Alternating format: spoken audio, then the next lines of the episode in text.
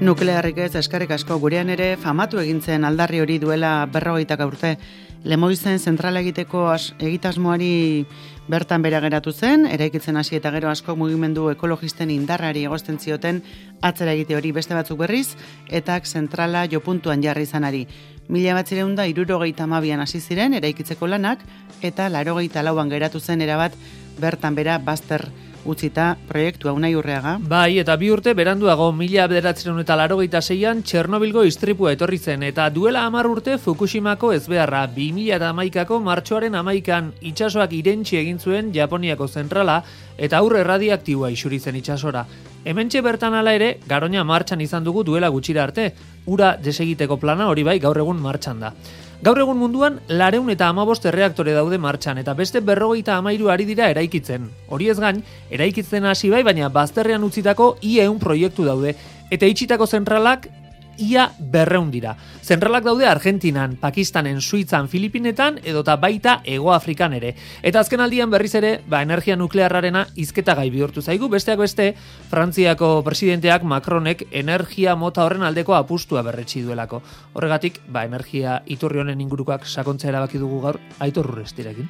Aitor, kaixo egunon. Egunon, bai. Bai, eta azken elkarrekin hitz egin genuenean, Glasgowko klima aldaketaren kontrako gibilera horren ondoren, ba, kaleratutako adierazpen horren karietara, gero izan dako estabaidak eta aletu genituen, eta hor aurrez aurre jarri ziren Alemania eta Frantzia bestea beste, eta esan zen igun zuk berde-berdea energia nuklearra ez duzula ikusten. Bai, esan ez dakit nondik ikusten dan kolore hori, baina, bueno, batzuk bai defendatzen dutela, ez? Bai, askoren artean fama txarra duela argi dago aitor. E, justifikatua dago hori, istripuek e, eragiten dute fama txarrori, izen txarrori, joango gara sakontzen, eh? baina lehen biziko golpean, zer esaten diguzu? E, nik uste ez dala bakarrik istripuen e, gaia, baita ere ondakin nuklearrek sortzen duteneko, ba, bueno, kudeak eta arazo larria dagola hortik, ez? Egia da badagola istripuen inguruko ba, izu hori, ez? Olakori gertatzeko eta ze, ze, ze egongo liteken nire inguruan, baina naratago energia nuklearrak ba, dauzka beste, ba, bueno, e, arazo nahiko, ez? E, sakonki astartu behar diranak. Bueno, joango gara horiek aipatzen, baina lehen da bizi egiguzu erradio geografia. Gaur egun zein da errealitatea? Zein pixu du nuklearrak? Bueno, egia zan, nik uste ematen duena baino gutxiago daukala, ez? E, bereziki herrialde garatuetan e, dago, egia da, e, ba bueno, hor, bigarren mundu hortan kokatzen dituguneko hainbat herrialdetan baita ere, baina teknologia espreski e, iru herrialde nagusien eskuetan dago, Frantzia estatu batuak eta Txina, dira gehien egin dituztenak, naiz eta hor Japon egondan, gauzak egiten, Alemania baita ere, baina gaur egun ezagoen ituzke iru hauek dirala, ez? Gure ingurera etorrita, e, egia da pisua badaukola, ez? E, estatu mailan esan daikegu energiaren uneko amarra aldera, e, energi, e, nuklearra dala, baina elektrizitatera pasata euneko hogeita marra, oda ia erena energia nuklearra izango litzateke, eta Frantzira bagoaz, Frantzian baina nahiko erabiltzen dela. Energia, kontsumitzen da energia guztiaren erena nuklearra da. Eta, eta elektrizidadera junezkero, azken urteetan euneko laro gehiaino igo da, hau da, e, lau bosten, nahiko, nahiko portzentai altua dauko. Izu garri izan duzu, e, elektrikoaren euneko gehi tamar Espainian eta laro gehi Frantzian? Bai, bai, bai, alde, alde nabarmena dago, egia teknologia desberdinak erabiltzen dituztela, Espainiako teknologia erabili eskero ezin izango inateken uneko laro gira iritzi, zen amengoa ez da kudeagarria, beti dago potentzia berean lan egiten, eta frantziakoak bai erregulatu dezake, eta orduan une oro daukaten eskari energetikora moldatu. Gure kasuan une honetan hori ezin eskoa izan litzateke. Beno, orain arte ez dugu esan, baina norbaitek irratia orain piztu baldin badu, esango dugu Aitor Urresti ikerlaria dela, energia berriztagarrietako irakaslea, EHUren Gipuzkoako ingenieritza eskolan eta berarentzat ba oso gai landua eta arrunta egunero eskuartean daukana dela hau. Gure gandik martxan gertuen dagoena, e, Frantzian, zein da ito? Frantzian izan litzateke, Blajekoa hau dago bordoren e, alboan ezango genuen, ez? E, e, pentsada egun, une honetan e, martzan dagoen proiektu bat hemen e, guretik, bizkaitik, e, frantziara lotura elektriko bat egitekoa, izan litzateke lemoiztik, blaseko nuklearrera, nahiko nik uste dut ikusgarri dela, erabakitako bi puntuak zeintzuk dian, E, eta, eta hori da gertuan dagona. Beste bat uki dugu, gertuago, garoinakoa izan dela, baina garoinakoa ja geldirik dago, eta une honetan ja ba, desmantelatze lan horietan e, hasiak dira. Aitor, argindara sortzeko bai garbi geratu zaigu, eta ez da gutxi, baina zer gehiagotarako balio du energia nuklearrak?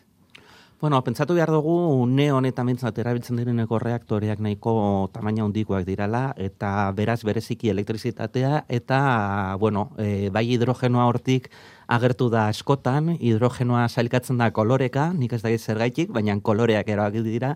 Berdea eta, ipatu zen igun, udara nintzen genuen, eta geroztik ere bai atera zaigu hidrogenoa. Ba, kasu honetan hidrogenoa arrosa izan ah, litzateke. bai. bai, bai, ez dakit zegatik, hartu da ben arrosa koloria, baina e, energia nuklearretik era, e, sortzen daneko hidrogenoa arrosa izango litzateke. Eta hortik da biltz, ez? Azkenean hor, bi modutan egin liteke, temperatura altuak dauden zuzenean sortu litzateke, edo bestela, bueno, izatez, zuzen zuzenian sortzen da, baita ere, prozesuan bertan, baina kantitate gutzitan, hori landu daiteke gehiago sortzeko eta hori aprobetsatzeko, eta gero bestea izabolitzateke zuzenean elektrizidade hori erabiltzea, e, ba, bueno, hidrogeno berdea bezala e, sortzeko. Bueno, aitor eta orain galdera, ia denok ulertzeko moduan azaltzen diguzun, eta bi hitzetan nola lortzen da? Bueno, e, hau betikoa, claro, pentsatu behar dugu zer da atomo bat, eta ez da bat erraza, baina atomo baten badaude partikulatzo batzuk, nahiko gertu, bata bestearekiko, eta lotuta. Ba, bueno, hau apurtzen bada, e, nolabait e, lotura horietan dagoneko energia e, askatzen da, eta hori da erabiltzen duguna, ez?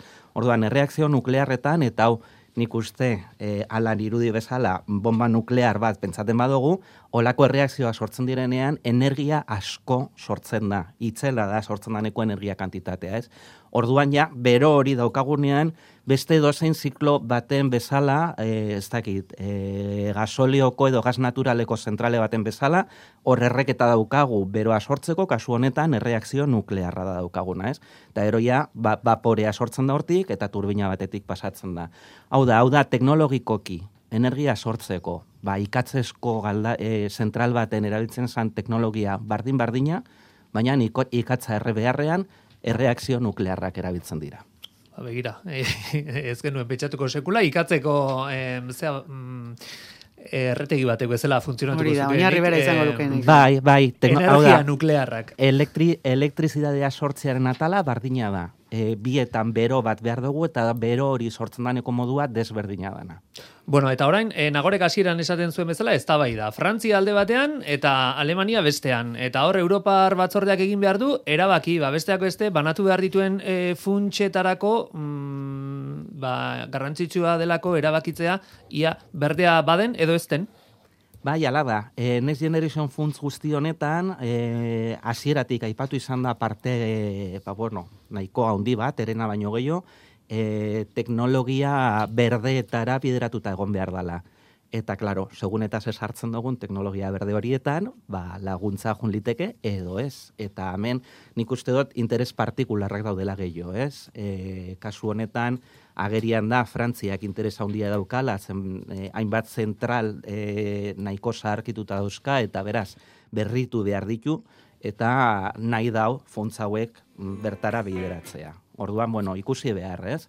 Niretzat argi dago energia berdea ez danik, zen berde kontzeptu arabitzen dugunean, guztiok pentsaten dugu e, gauza naturaletan eta berriztagarrietan, eta ez da ez naturala ez berriztagarria, beraz, bueno, nik ez dut inondik ere ikusten. Preziari buruz eta orain galetuko dizugu, baina aitor, em, Frantziak eta beste herrialde asko koran esaten dute, ba, energiaren arloan subiraua izatean, norbere jabe izatea, norbere buruaren jabe garrantzitsua dela, eta subirautzarekin lotzen da, baina uranioa behar da, eta uranioa denek ez daukate, beraz, hori ere Bueno, a kasu honetan, Frantziaren kasuan, a, pizkat ziniko izan behar dau, e, e, onartzeko honek zubira notasuna honditzen dauala. Frantziak e, e, beren uranioa asko ataratzen dau e, Afrikatik. Antzina bere koloniak izan, dako, izan dakoetatik. Claro, ointze esatea, ja gaur egun subiranoak diraneko herrialdeak bertatik e, e, ateratakoa Frantziakoa dela, ba nik uste nahiko ikeskaga, keskagarria bai, dela, ez? Ikuspegi imperialista ez esategatik, Bai, bai, bai. E, nuklearraren e, kasuan gertatzen da petrolea eta gas naturalarekin gertatzen da gauza bera. Kanpotik ekarri behar dugu, Europan ez dago, e, hau alan e, argi esan behar da, beraz kanpotik dator, eta orduan, subironatasunarekin ezin da sekula lotuta egon behar. Eta uranio meategi nagusiak non daude, eh? Bueno, badaude nahiko sakabanatuta, egia da kontzentrazio altuak behar ditugula e, zen uranioa nahiko material eskasa da. E, Frantziaren kasuan adibidez Mali eta Frantziako eta Afrikako gune e, Frantzia erdialdeko herrialde batzuetatik ekartzen ditu bereziki, baina baita ere Rusian e, egon badago, Australian badago, badaude hor nahiko sakabanatutako mi artean, ez? Herri gutxi batzuen eskuetan eta bereziki teknologia hau, hau kontzentratu behar da, uranioa, kontzentratzeko teknologia baita ere nahiko herrialde gutxi batzuen eskuetan egon mhm. badago. Hala ere, igual eh, ez gara zuzenariko, baina pentsatu genezake uranio gutxirekin aski dela? Egia da, uranioak energia eh, radiazioarekin, eh, hau da, energia nuklearrean eh, eh, erreakzio nuklear hau sortzen direnean, energia asko sortzen dela, eta beraz, uriane kuantitate gutzia behar dela. Baina gaur eguneko teknologiarekin baita ere uranioaren agortzearen e, horizontean nahiko gertu egon badago, ez? E, berrogei, berrogei tamar urtetarako egongo litzateke bakarrik. Hau da, naiz eta gutzi erabili, e, ez dago horren beste, ez? Hori da lehenengo arazoa. Ikusi behar, e, teknologia aurrera joan eskero, agian, une honetan, e, konzentrazio basuagoa dauzkateneko meak, erabilial izango dira, baina hor ikusi behar, ez? Momentuz ez dago argi. Ta teknologia berriekin baita ere astetzen hasi dira, beste material batzurekin, adibidez torioa dala e, ugariagoa daneko beste material radioaktibo bat eta agia nortik zerbait irtetzen da, ez? Baina gaur egun pentsatzen badugu energia nuklearra gehiago garatzea, egia da e, etorkizun laburreko apostu bat izango litzatekeela. Aldekoa zer du merkea dela edo hori ere ez? E, ni nire kasuan askotan esaten dugu, ez? Energia nuklearra, bueno, energia nalorrean... E, Merkea dirutan esan nahi genuen, eh? Gero ya, bai. Eh, bai, bai, argilunak daudela, nire ustez, eh, ez, dago, ez, ez dago argi askorik eh, nuklearran inguruan.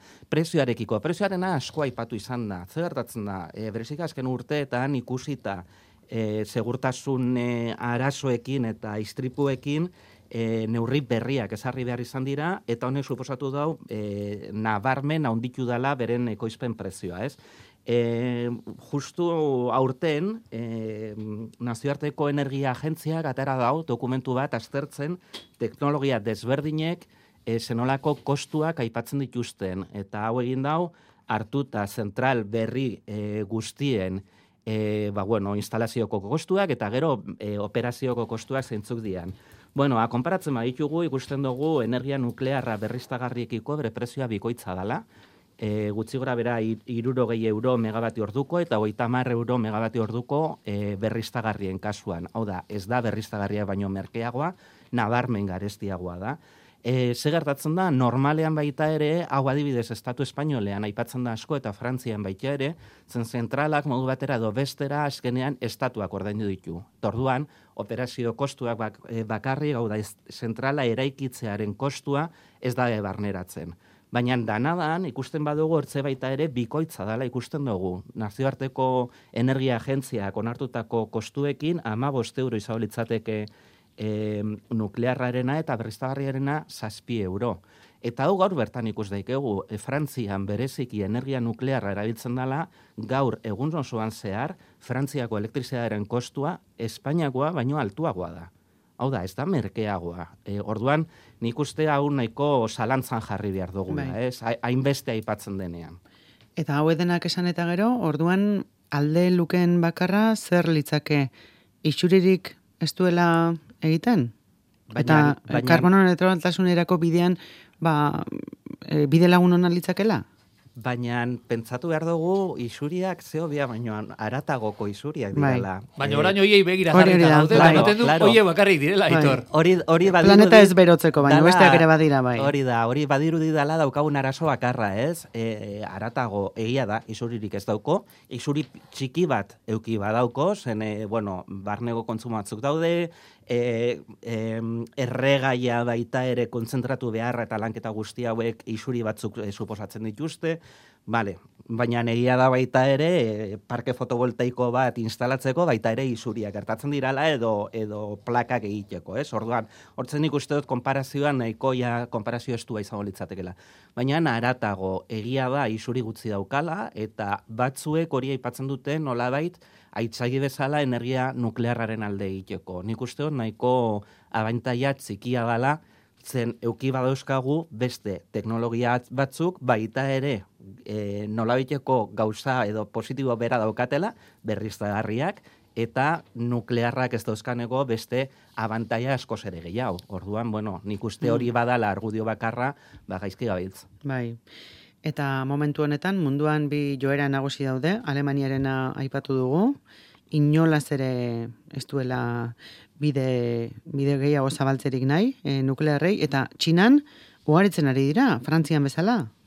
Bai, baina hau da estatuko apostu bat dalako. E, bi kasuetan, enpresa publikoak dira, honelako instalazioak egiten dituztenak. Pentsatu behar dugu, bueno, txinan kasuan areia da, baina Frantzian kasuan, e, une honetan, e, zentral e, nuklearrak e, eraizten dituna, dirala, dala EDF, Electricité de France, eta hau e, izatez e, bada e, aldez aurretik zegoneko areba enpresa, e, irentzi behar zuelako zen e, krisialdi latzean zegoen areba, ez?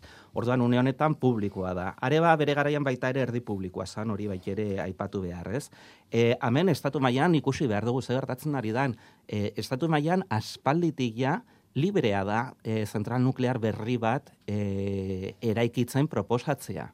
Eta enpresarik ez dago horren alde dagonik, zergaitik? Dirurik ez dago ez dagolako atzetik, estatu mailatik, e, apostu horren aldeko egiteko eta beraz e, e, kostuak merketzeko. Eta orduan, e, bai ekonomikoki bideragarri ez dala, nik uste nahiko agerian dagola, ez? Zen, e, libre dagoneko hainbat herrialdetan hau aurrera egiten ez bada, zeo zerrengatik izango da. E, bueno, e, apostuak desberdinak dira, baina hori bai ikusten dala, ez? Azken finean, energia honen alde egiten dituztenak, ba, badirala herrialde zehatz batzuk, zeinetan, ba, interes publikoak dauden guztionen atzean. Mhm. Eta hor daukagu beti Txernobilek erakutsitakoa, eta berriago Fukushima. Bai, ala da, ala da. E, hau da betikoa, ez? Istripuak eta segurtasuna eta guzti hau aipatzen dugunean, ez? Bueno, e, segurtasunan e, alorrean ezaten dana ez dala bakarrik, arazoa ez da bakarrik, zenolako probabilitatea daukagun istripu bat gertatzeko, baizik eta hori gertatzen denean baita ere honek zenolako e, ondorioak dakartzan, ez? Bi aspektuak kontutan hartu behar dira energia nuklearraren inguruan e, agerian da, ez? E, zentral nuklear asko badaude e, gaur egun martzan eta gehiago egon dira martzan, ez? E, laureun bat aldera daude une honetan martzan eta totalean ba bat edo edo hortik ibiliko ginateken, ez? E, istripu gutxi egon dira, e, nahiko larriak bi izan dira, baina egon dira azpi istripu nahiko baitere, ez? E, askota nahiko ezagunak izan ez diranak, ez? Hor daukagu adibidez Three Mile Island estatu batuetan, aldi berean egin zala e, pelikula bat e, hau zelan zan, e, txinako sindromea, e, eta, ba, bueno, kasualidade izan zen, baina gauza bera, ez? Hortze, e, zentreala lehertzear egon zan, ba, ia hor, osta-osta, ez? E, ze gertatzen da energia nuklearrarekin? Istripua gertatzea nahiko zaila dela, baina istripu bat gertatzen denean, sortzen dituneko ondorioak itzelak dira. Eta hori kontutan hartu behar dugu, ez? Eta aratago, e, etorkizun labur eta eta luzerako beste e, segurtasun arazo bat sortzen dago eta da hondakinen kudeak eta. E, hondakin hauek, e, bereziki aktivitate altukoak, milaka urteka jarraitzen dute aktivitate radioaktibo altu bat eukitzen. Eta hauek kudeatu behar dira. Gero eta gehiago sortzen ditugun einean, arazoa gero eta larriagoa izango da. Eta zelan ziurtatzen dugu, mila urtetarako e, modu seguru baten babestu ditzakegula. Zen pentsatu behar Bai. dugu, gaur egun, oindirala mila urteko gauza askoia goratzen ez ditugula. Bai. Hemen arazo larria daukagu egia esan. Ba, justu horixe galdetze zigun entzule batek, ea zabor radioaktiboaren bizitza oso luzea ote den, mila urte. Eta gero, jakin nahi du, zabor radioaktiboaren kudeak eta publiko ote den. E, bai eta ez, a ber, e, nahiko modu bitzian iten da, enpresa publiko bat da, e, kudeatzen duenak, baina e, en zentral nuklearrak dauzkateneko enpresek ordaindu behar dute kostu hau. Hor zalantzan dago, kostu ordaintzen dutena benetan, a, benetako kostua dan edo ez, hortze sartu gintzezke, baina ez da, ez da bat erraza, baina egia da, enpresa publiko honen gastuak, e, zentral nuklearrak dauzkateneko enpresek ordaintzen dituztela. Orduan, bueno, hortze nolabiteko eredu misto bat izango litzateke, ez? Hau da, gure kontuetan ez da ez dauka ia e, eraginkortasunik une honetan. Eta are beltzago jarrita beste bat dio, istripu ez gain, atentatu edo datorren gerrate mundialean, jomuga ezin erakargarriak, erakargarriagoak izan daitezke, ez da? Bai, hori beste gauza bat da, ez? Ezin dugu astu e, energia nuklearra e, industria militarrarekin bat sortutakoa dala, e, hainbat interes bateratuta daude, eta aratago orain terrorismoaren inguruan baita ere hor e, bomba zikinak aipatzen dianak hortze egon badaude, e, nola beteko ondakin radioaktibak erabiltzen dituztenak gero hor e, radioaktibitatea baita ere geratzeko bomba estanda egin dueneko lekuan eta eta nolabeteko kalte gehiago sortzeko, e, honek segurtasun e, arazo itzela sortarazten dau mundu mailarako, ez bakarrik gurerako, ez? Eta eta hortza baita ere, ba bueno, kontutan hartu beharreko beste elementu bat bada.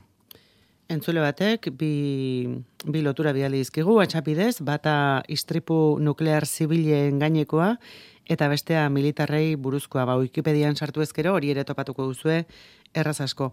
Aitor urresti etzimaz egin dizugu, gaur ere lezio hau eman izana, eta amabostegun barru, hementxe espero zaitugu, amara unian. Primeran, hemen egongo gara.